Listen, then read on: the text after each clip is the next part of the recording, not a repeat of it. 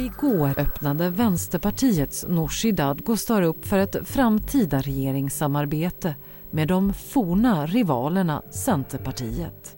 Inte ens internt har ju Nooshi Dadgostar stöd för att eh, samarbeta med Centerpartiet. De gör det i Norge, Danmark och Finland. Varför skulle inte Centern och Vänstern kunna samarbeta i Sverige? Vi kan här idag, jag har mitt kontor öppet, gå och prata. På en kvart får du veta mer om lärdomen Annie Lööf helst inte talar högt om och varför C plus V kan bli lika med sant. Det är onsdag den 26 maj och jag heter Annie Reuterskiöld. Det här är dagens story från Svenska Dagbladet.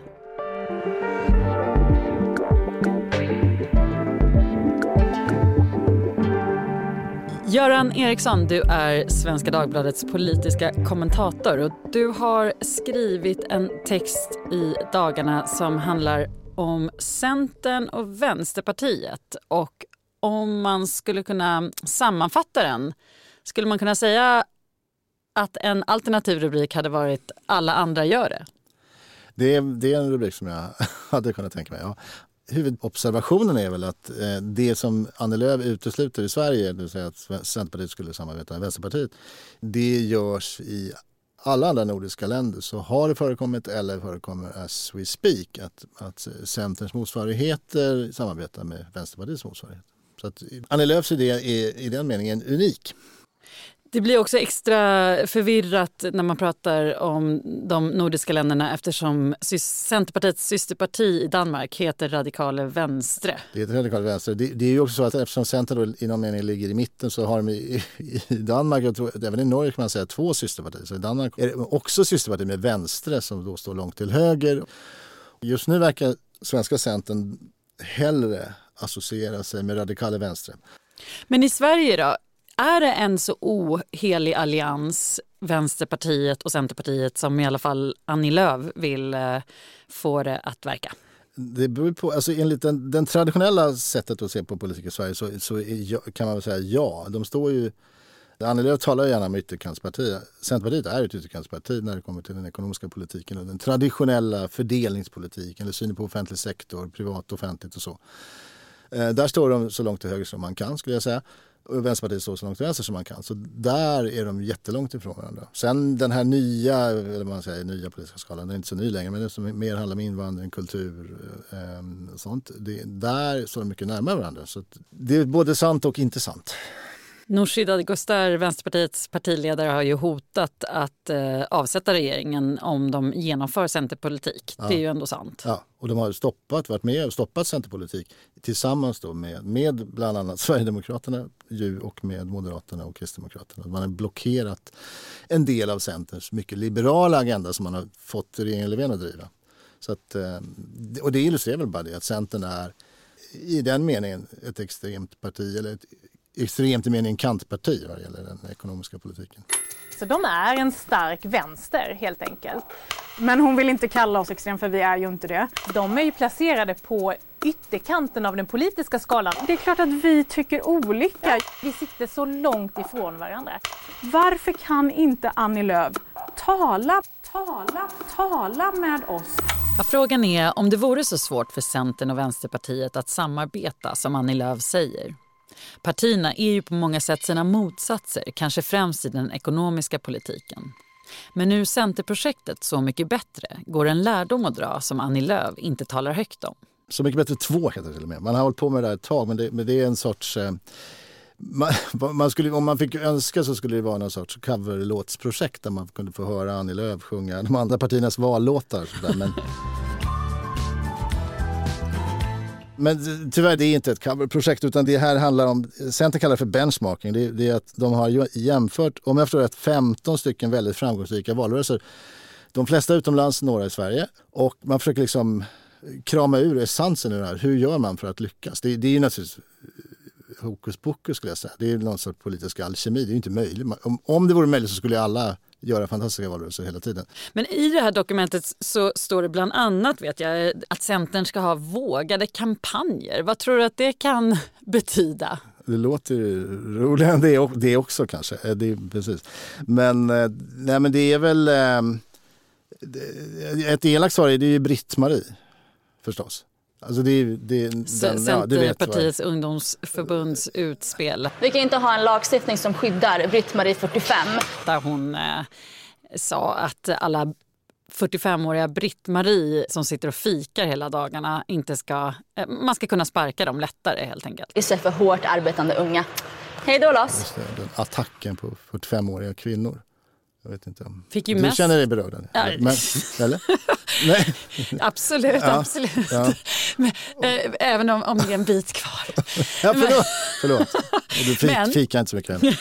Men, men, och initialt så var ju det eh, mest upprörande eftersom eh, alla tyckte att det är ingen 45-åring som heter Britt-Marie. Men, ja, det fanns ju en djupare kritik mot det där också. Ja. Men, ja. Nej, men skämt åsido så är det, det, här, det kanske, den där kanske gick snett och den kanske retade för många. Det är möjligt. Men, men den kommunicerade onekligen budskapet. Centerns ungdomsförbund gillar inte arbetsrättslagstiftning. Det, det framgår ju. Det vet ju alla nu. Och fick enorm spridning, ja, ja, precis. ja, precis. Men i Danmark så hade ju då systerpartiet Radikale Venstres partiledare en kampanj som hette Får jag sova hos dig? Må jag sova hos dig? Ja, Eller?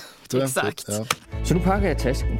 Jag hoppas jag må komma förbi och besöka dig du har mistat tron på politik. Det spelade ju på den här liksom, en ganska vanlig uppfattning i Danmark om att politiker är för långt ifrån eh, medborgarna och, och man bara fifflar och det är korruption. Väl politikerföraktets hemland lite grann. Så. Precis, ja. men då skulle eh, partiledaren knacka på och höra, vad, lyssna som Fredrik Reinfeldt brukade säga. Just det, men jag tror faktiskt också, meningen var nog att han skulle sova över, jag tror också att han gjorde det. Mm. Det finns i alla fall filmer där som att han packar, han, dagen efter så packar han sin väska och går därifrån.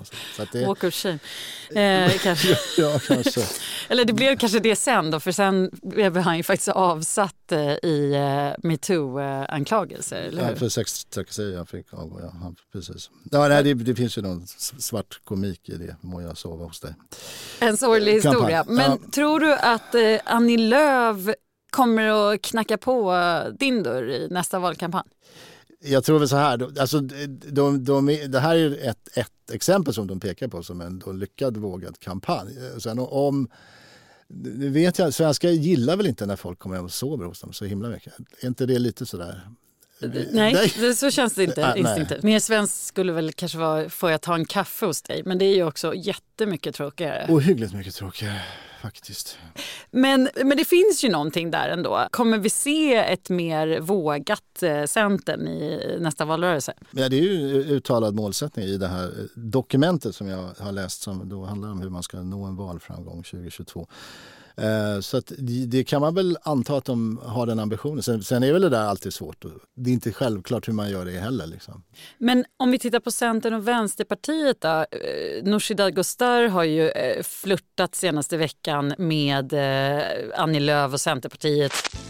Nu hörde både jag och Niklas att du inte svarade på frågan varför inte du tar min utsträckta hand. Sträck ut din hand men är det helt okomplicerat om man tittar inuti Vänsterpartiet Nej, att samarbeta med Centern? Inte alls. Av nyss nämnda skäl, nämligen att de står så väldigt långt ifrån varandra i den, den traditionella ekonomiska politiken. Eh, så, och, och både Vänstern och Centern är väl ett parti som liksom har excellerat i ideologisk renlärighet på senare tid. Alltså Centern som liberaler och Vänsterpartiet alltid. Vänsterpartiet har på något vis ideologin har alltid varit viktigare än, än eh, försöken att nå makten. Alltså de har ju varit, alltid varit i opposition, de har aldrig varit i regering de har, i hela sin historia. Så det, för dem är det kanske viktigare att vara ren och hålla fast vid den rätta läran än att, än att kompromissa med, med eh, motståndarparti. Så att, nej, det, och det har väl, hon, hon har ju fått en del negativa reaktioner inifrån partiet också. Men i praktiken, skulle de kunna samarbeta de här två partierna som står så långt ifrån varandra? Och i vilka frågor? Um, det korta svaret är väl ja. Det tror jag att de skulle kunna faktiskt. Ett skäl till det är att Centern är... Jag vet inget parti som har fått igenom så mycket av sin politik under en mandatperiod som Centern har fått den här gången. Och det betyder, det betyder att rätt mycket av det här, det mest kontroversiella, det som gör Vänsterpartiet i vanliga fall galna på Centern det kommer redan vara genomfört. Centern måste inte driva en, liksom, en extremlinje eller en ytterkantslinje i den ekonomiska politiken. Därför så skulle det nog kunna vara möjligt inte om de ska följa sina partiprogram, men i praktiken så tror jag att de skulle kunna kompromissa. Ja. Och I det här eh, valstrategidokumentet Vägen till valframgång så pekar man ut ett antal centrala frågor. Corona, pandemin, vård och omsorg, ja. migration, integration, klimat, miljö, lag och ordning och högerpopulism. Ja. Det är inte mycket där som... Som inte går att samarbeta om? Nej, Nej. Det, tror jag, det tror jag faktiskt inte. Verkligen. Nej, men högerpopulismen, det är, där är de ju helt, helt eniga om att, om att den måste bekämpas till nästan varje pris.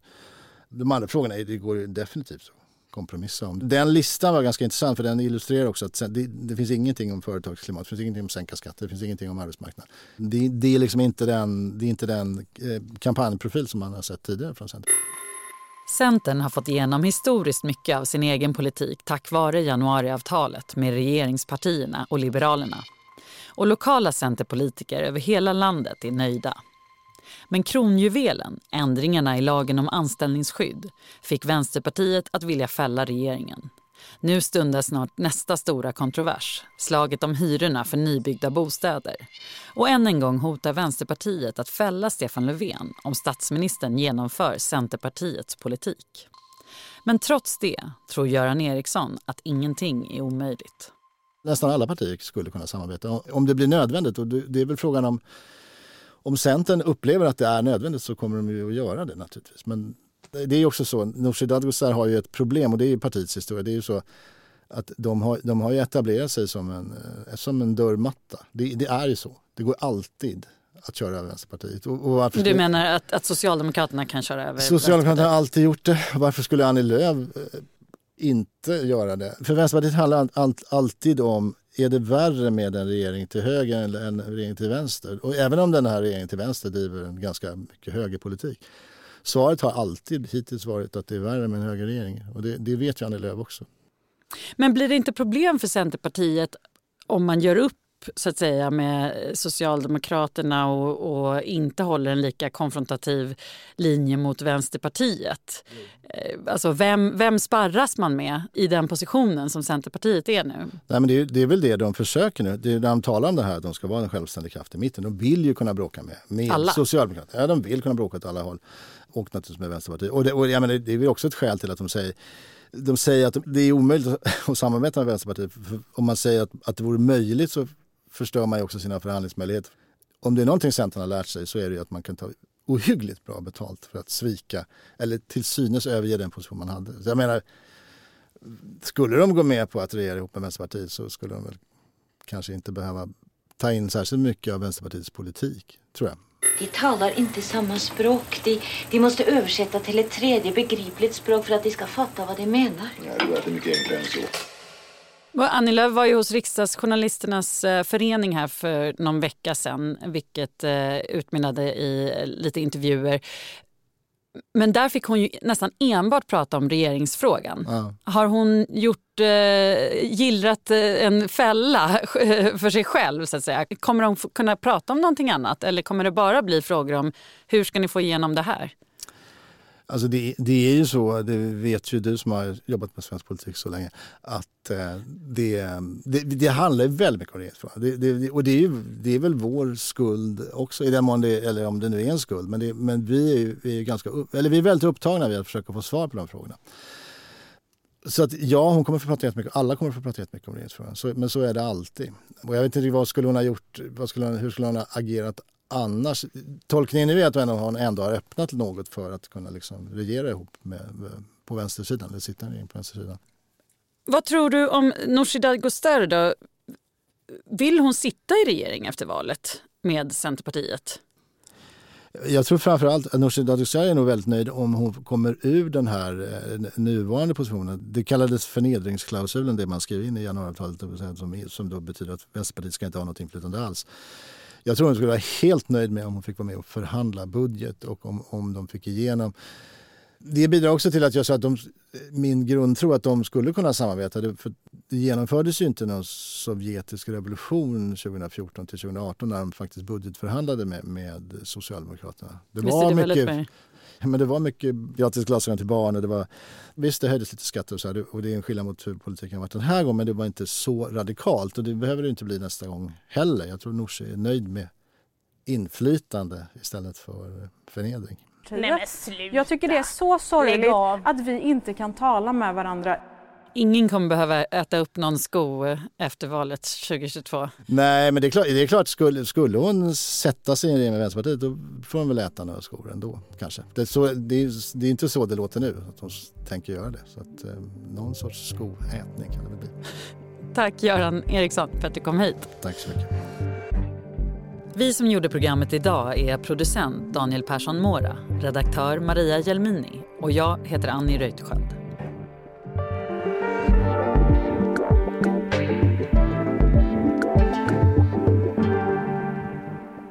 Du har lyssnat på Dagens Story från Svenska Dagbladet. Ett ämne, 15 minuter varje vardag. Prenumerera om du gillar det du hör och sätt gärna ett betyg.